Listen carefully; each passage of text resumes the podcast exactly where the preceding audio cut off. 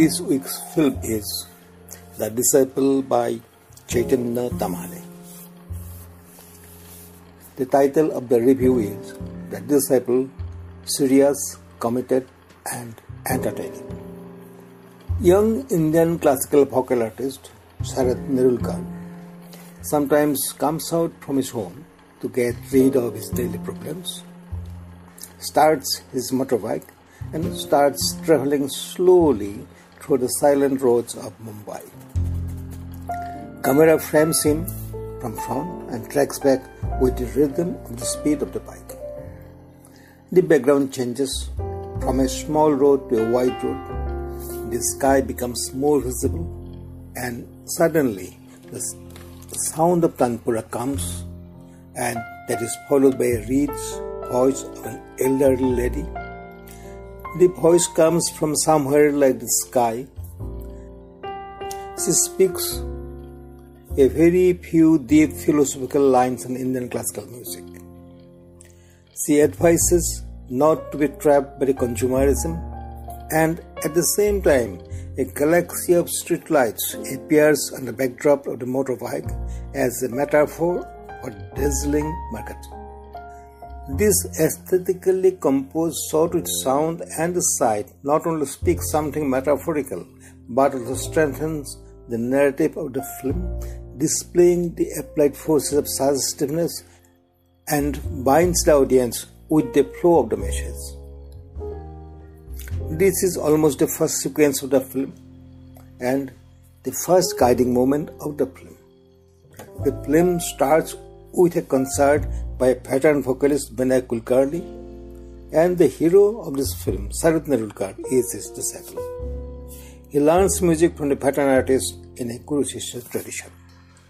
The film's writer and director Chaitanya Tamhane loves Indian music from the core of his heart, and his critical outlook has intensified his love. He reveals the aesthetic and aesthetic secrets of Indian classical music in this film and the life and struggle of a few devoted artists. The director also wants to re examine some myths related to classical gurus. He wrote this story because he wants to tell his quest through a story. The name of the film, Disciple, the word used music as a learner under a guru and a future flag bearer of the school that Gharana is following. Three generations of artists and two generations of disciples are assembled here. That Sindhutai Jadhav, Guru from the Gharana, she is one Guru, another Guru is Vinay Kulkarni, her disciple. And three disciples are that Vinay Kulkarni, that hero Sarath Nerulkar, and his father, who was a disciple of Sindhutai Jadhav.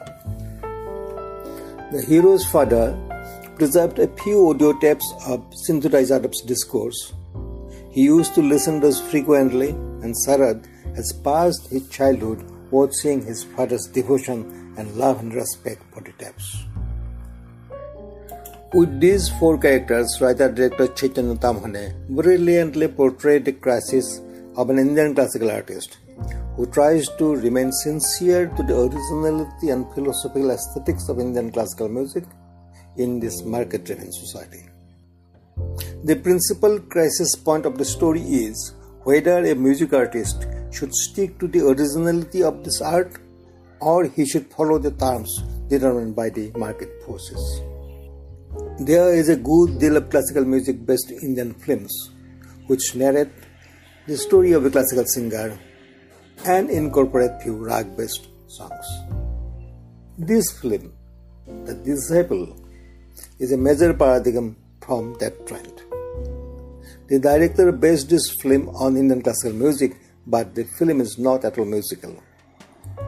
This is a fiction film that speaks about the crisis and achievement of a struggler.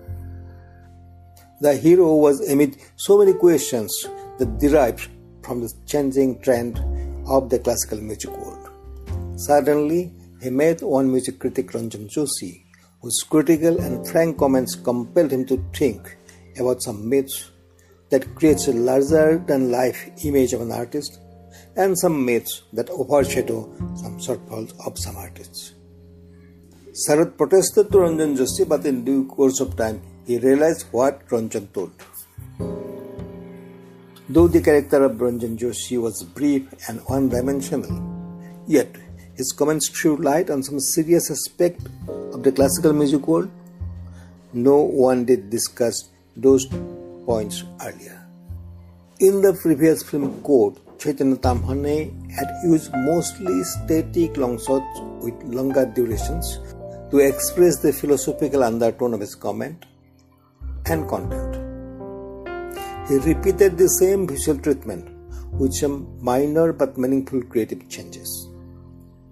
The director has maintained a kind of epic detachment in his visual to provide space for the audience to enter and to feel the environment, which is essentially a lonely planet.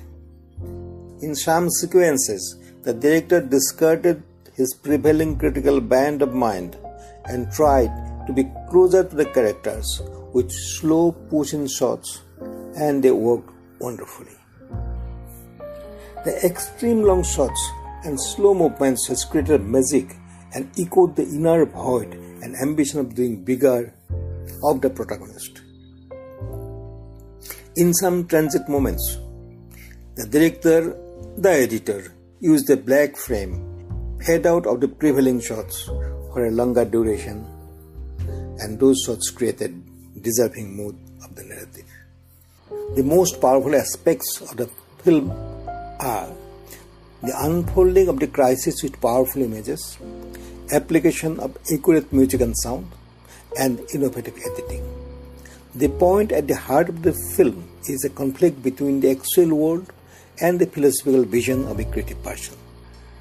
The classical music has come to this film as an organic part of the work, and environmental sound and creative use of music created the environment apt to reflect the inner turmoil of the protagonist. In most of the films, one can see that greatest classical ustad sings. Only a simple rag in this film proper khayal was used and created the perfect personality of the music part of this film. The sound of Tanpura dominates the lion's share for the background score and it synchronized its sound with the mood of the film. Tanpura, used as a prelude to the speeches of Sindhutai Jadhav, created a desired ambience even in the location of a street. The popular Hindi film song used in the market scene has broken the illusion of the world that Tamhane has created. The film is essentially an anthology of long shots, and the editors joined those shots so effectively using music in the background that someone could feel no joy. Using black screens for transition is a remarkable addition to the narrative and the aesthetic part of the editing craft the depth of Indian classical music and attempt of evaluating its importance in the changing world. This approach made this film a novel creation, and its chapeau to the originals to the classical music is a committed responsibility of the filmmaker. The novel subject that has explored in its present day will keep the audience in a thought process for a long time with the smooth and pleasing making of the film. The weakness in the narrative becomes prominent in conversation sequence Ranjan Joshi and Sarad, which is almost like a pixarization of a radio play.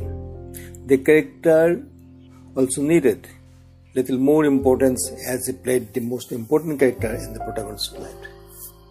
The scene of masturbation by Sarath is completely misfitting to the poetic and subtle narrative of the film. The theme of the film is serious, yet the director has presented the film in a lucid narrative without sacrificing the weight. This is a commendable work.